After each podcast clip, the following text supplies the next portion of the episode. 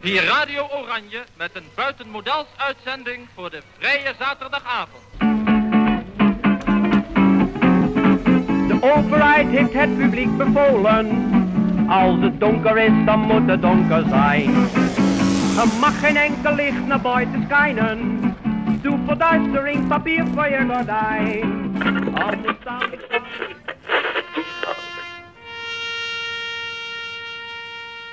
Bezet. Audiomonumenten van de stad Amsterdam. Vanwege dus die Bersia-periode enzovoorts enzovoorts, vond mijn moeder het niet veilig om daar te blijven. En toen zijn we in, in mei met de Johan van Olden-Barneveld naar Amsterdam gegaan. Dat, dat dek, dat is groot. En, en die, die, die, ik wist dat er, dat er getennis kon worden. Ja, in mijn idee was het schitterend. We kwamen de boot af en we kregen een warm jasje. Gingen de bus in. En toen gingen, reden we zo naar uh, Valkenburg.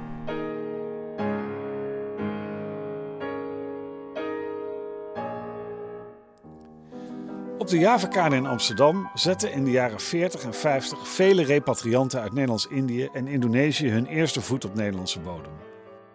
Op de plek waar nu Hotel Jakarta staat, stond van 1910 tot 1969 het hoofdkantoor van de stoomvaartmaatschappij Nederland.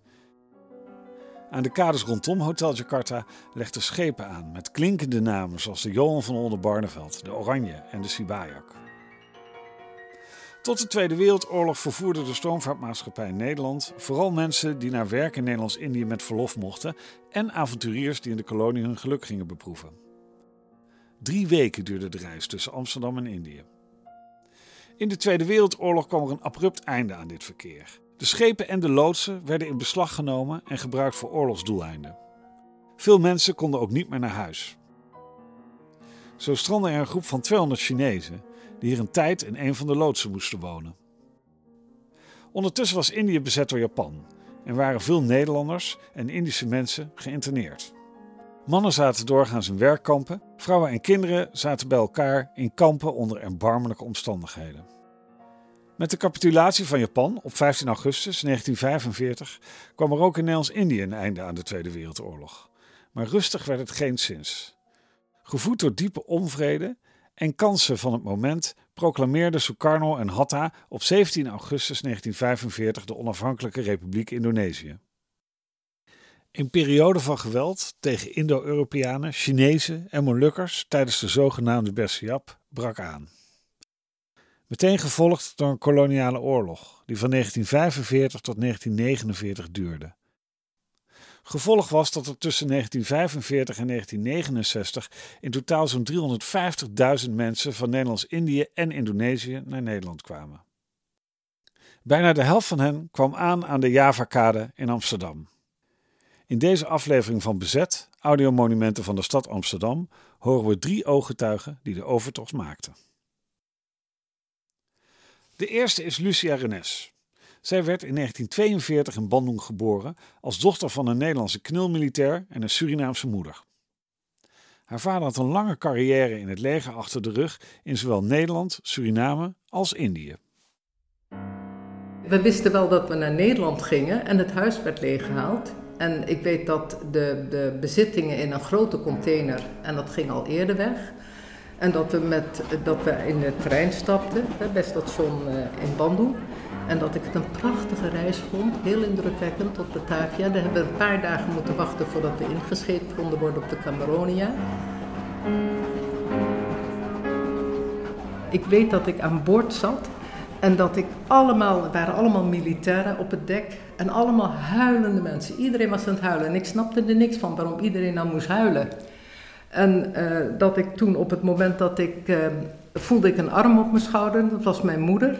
En die zei tegen mij, Lucia, zeg je land vaarwel, want je zult het nooit meer zien. Nou, ze heeft gelijk gehad, want ik ben er nooit meer teruggekomen.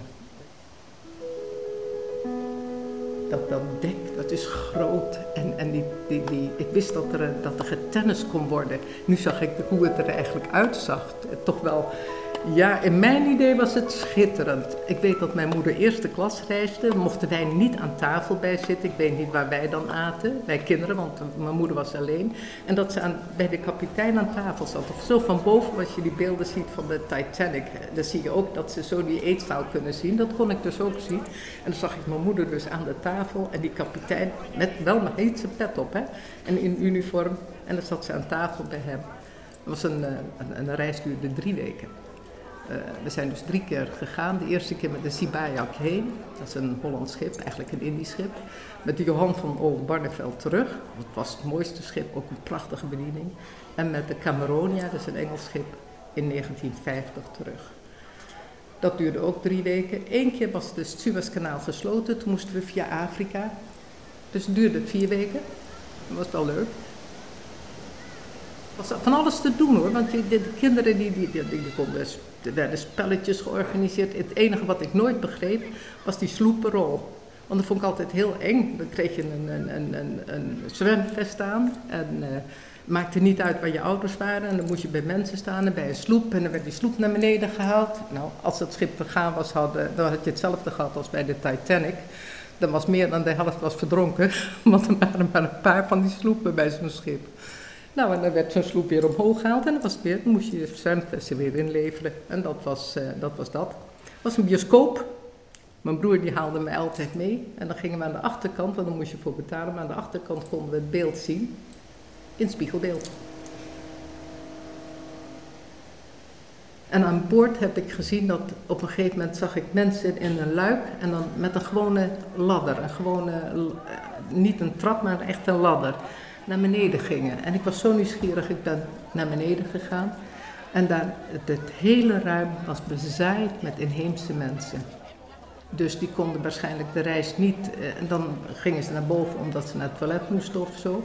Ik weet niet hoe ze eten kregen, maar het was bezaaid. Allemaal Indische mensen met sarong, kabaya. Ook de mannen, hè, met dat, dat, die, die hoedjes ook op en zo. Ik vond ik heel erg om te zien.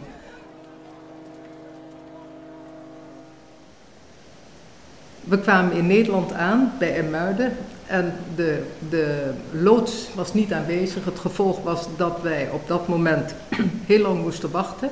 En uiteindelijk werd het schip dus de haven ingetrokken, aangemeerd. En toen zag ik twee tantes van me en een oom aan de kade. De meeste mensen waren al vertrokken omdat het zo lang duurde. En de zwaaien. Maar wij mochten nog niet van boord. Eerst moesten al die Indische mensen die in het ruim hebben gezeten, moesten eruit. Ik weet niet wat ermee is gebeurd. En daarna werd het afgeroepen wie naar buiten mocht. En toen we uiteindelijk buiten waren, beneden in een heel klein uh, zaaltje met een houten bank, daar zaten we met ons zevenen. Toen uh, werd er geroepen dat wij naar een bus mochten gaan. We zaten in die bus, toen moesten we weer uit die bus, want die bus ging naar het oosten van het land. En toen kwam de tweede bus. En dat is de bus waar we uiteindelijk bij het Witte Huis mee aankwamen.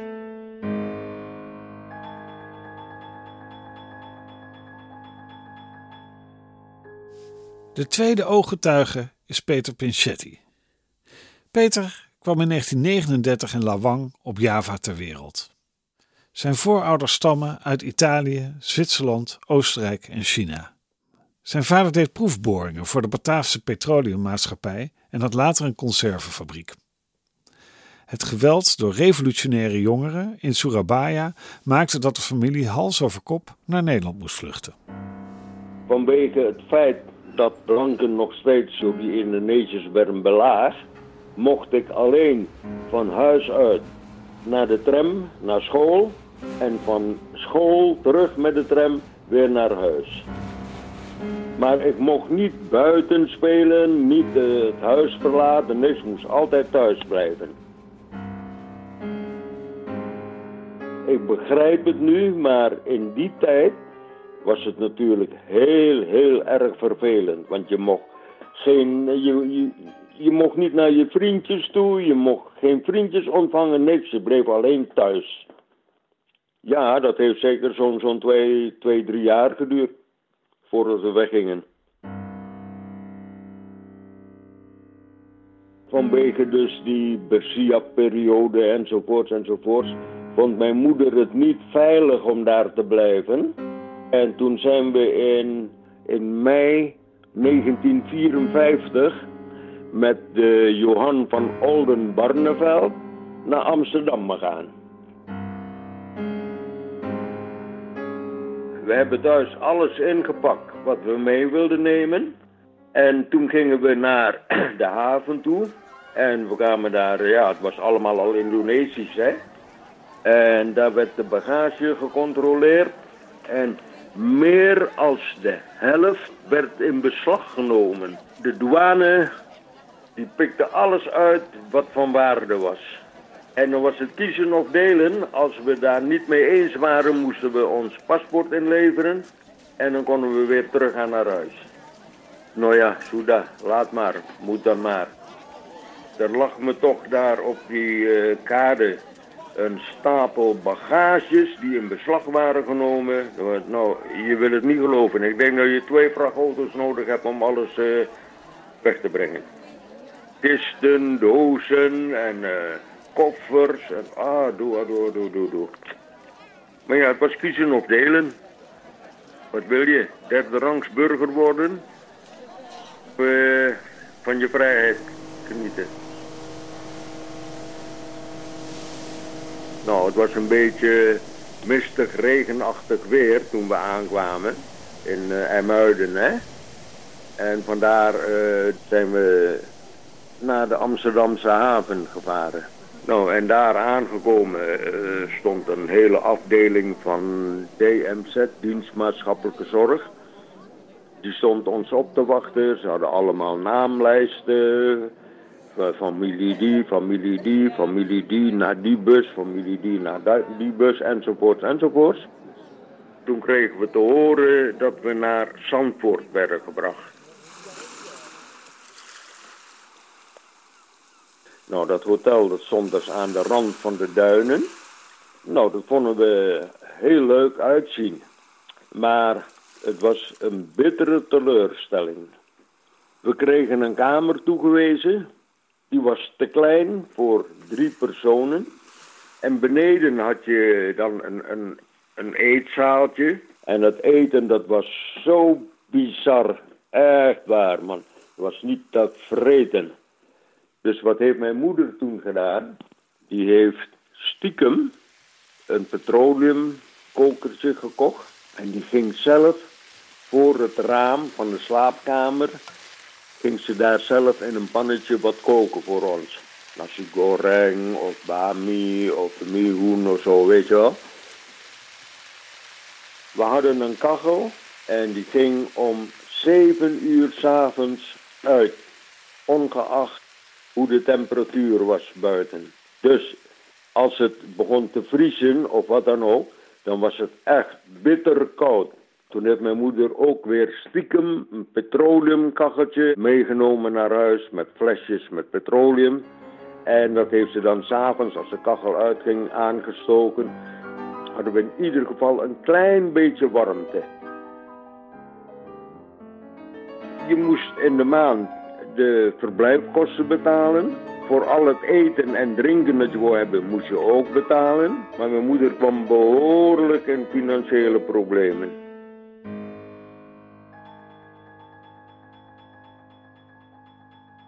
De derde en laatste ooggetuige is Henk Schoonderwal. Hij werd in 1931 in Surabaya geboren als zoon van een stationschef. Nadat een aantal vrienden van hem het slachtoffer waren geworden van revolutionair geweld, meldde hij zich voor het KNIL, het Koninklijk Nederlands-Indisch Leger. Begin jaren 50 werkte hij voor Philips en als chauffeur voor de Stoomvaartmaatschappij Nederland. In 1955 moest hij hals over kop naar Nederland. Na de nageschool ben ik naar de technische school gegaan. En heb daar een uh, gehad. En toen ben ik leger ingegaan met KNIL. En uh, tot aan 1950. En van daaruit heb ik toen uh, bij de Philips gewerkt. Ik heb daar douanezaken gedaan. Dus dat is invoer van, van Nederland naar Indonesië.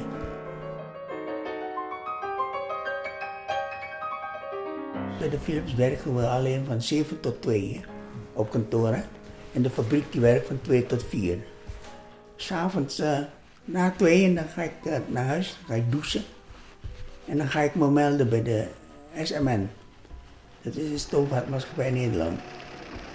En dan ga ik rijden voor die, voor die mensen. Dan ga ik uh, mensen van boord halen. En dan moet ik ze brengen naar Malang, naar Trettes. Het is een vakantieoord van, van de stoomvaartmaatschappij. Ze hebben daar allemaal van die, van die huisjes. En daar gaan die officieren van de, van de boot dan, uh, en dan breng ik ze en en dan haal ik ze weer op. Op een avond, toen ik die, die auto terug weer brengen, toen had ik een aanrijding gehad. Had ik iemand ondersteboven gereden, weet ik veel.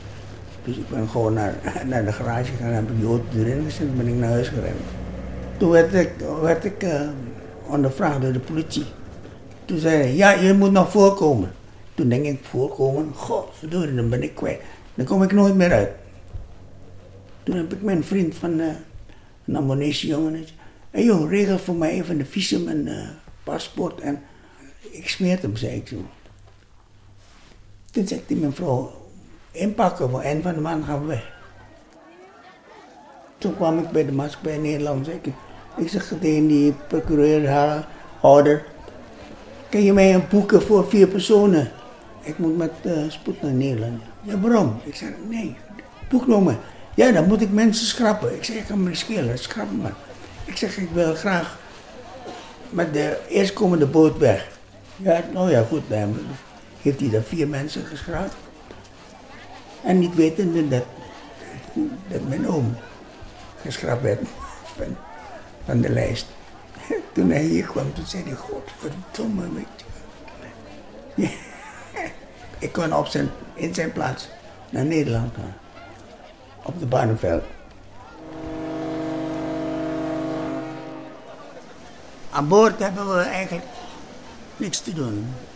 Eten, slapen en uh, ja, sigaretten roken en uh, biertje drinken en al die dingen. ja, wat moet je anders? Een maand lang.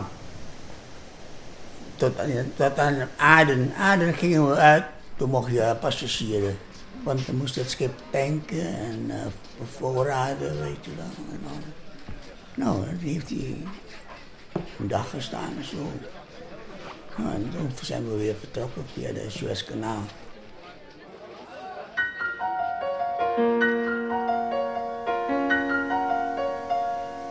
Onderweg waren er zes, zes mensen overleden. Omdat ze ziek zijn of zoiets. Nou in elk geval zijn er zes, zes mensen overleden aan boord. Dus dat is... Uh, ja, we mochten, we mochten niet, niet zien. Alle patrijsboten mo moeten dicht. Dus uh, mensen, alleen de familie, die zit dan boven aan boord. Zo'n type ding. Nou ja, in elk geval, uh, ze zijn, hebben een zeemansgraf gekregen. Ja, tegenwoordig je vrieskasten voor als er mensen overleden zijn. Dus uh, Barneveld heeft dat niet. Dus, uh. We kwamen de boot af en we kregen een warm jasje. Gingen de bus in en toen ging, reden we zo naar uh, Valkenburg. kwam in de zomer aan. Heel mooi. Toen denk ik, oh, is zo lekker. En dan zei je in Limburg, zei je allemaal die bergen. Toen zei die mijn vrouw, oh, we waren ons hier in Malang. Zo'n klimaat was dat. Maar ja, toen kregen we de, winter. Een pak sneeuw. Ik heb daar foto's van. Een pak sneeuw van een meter.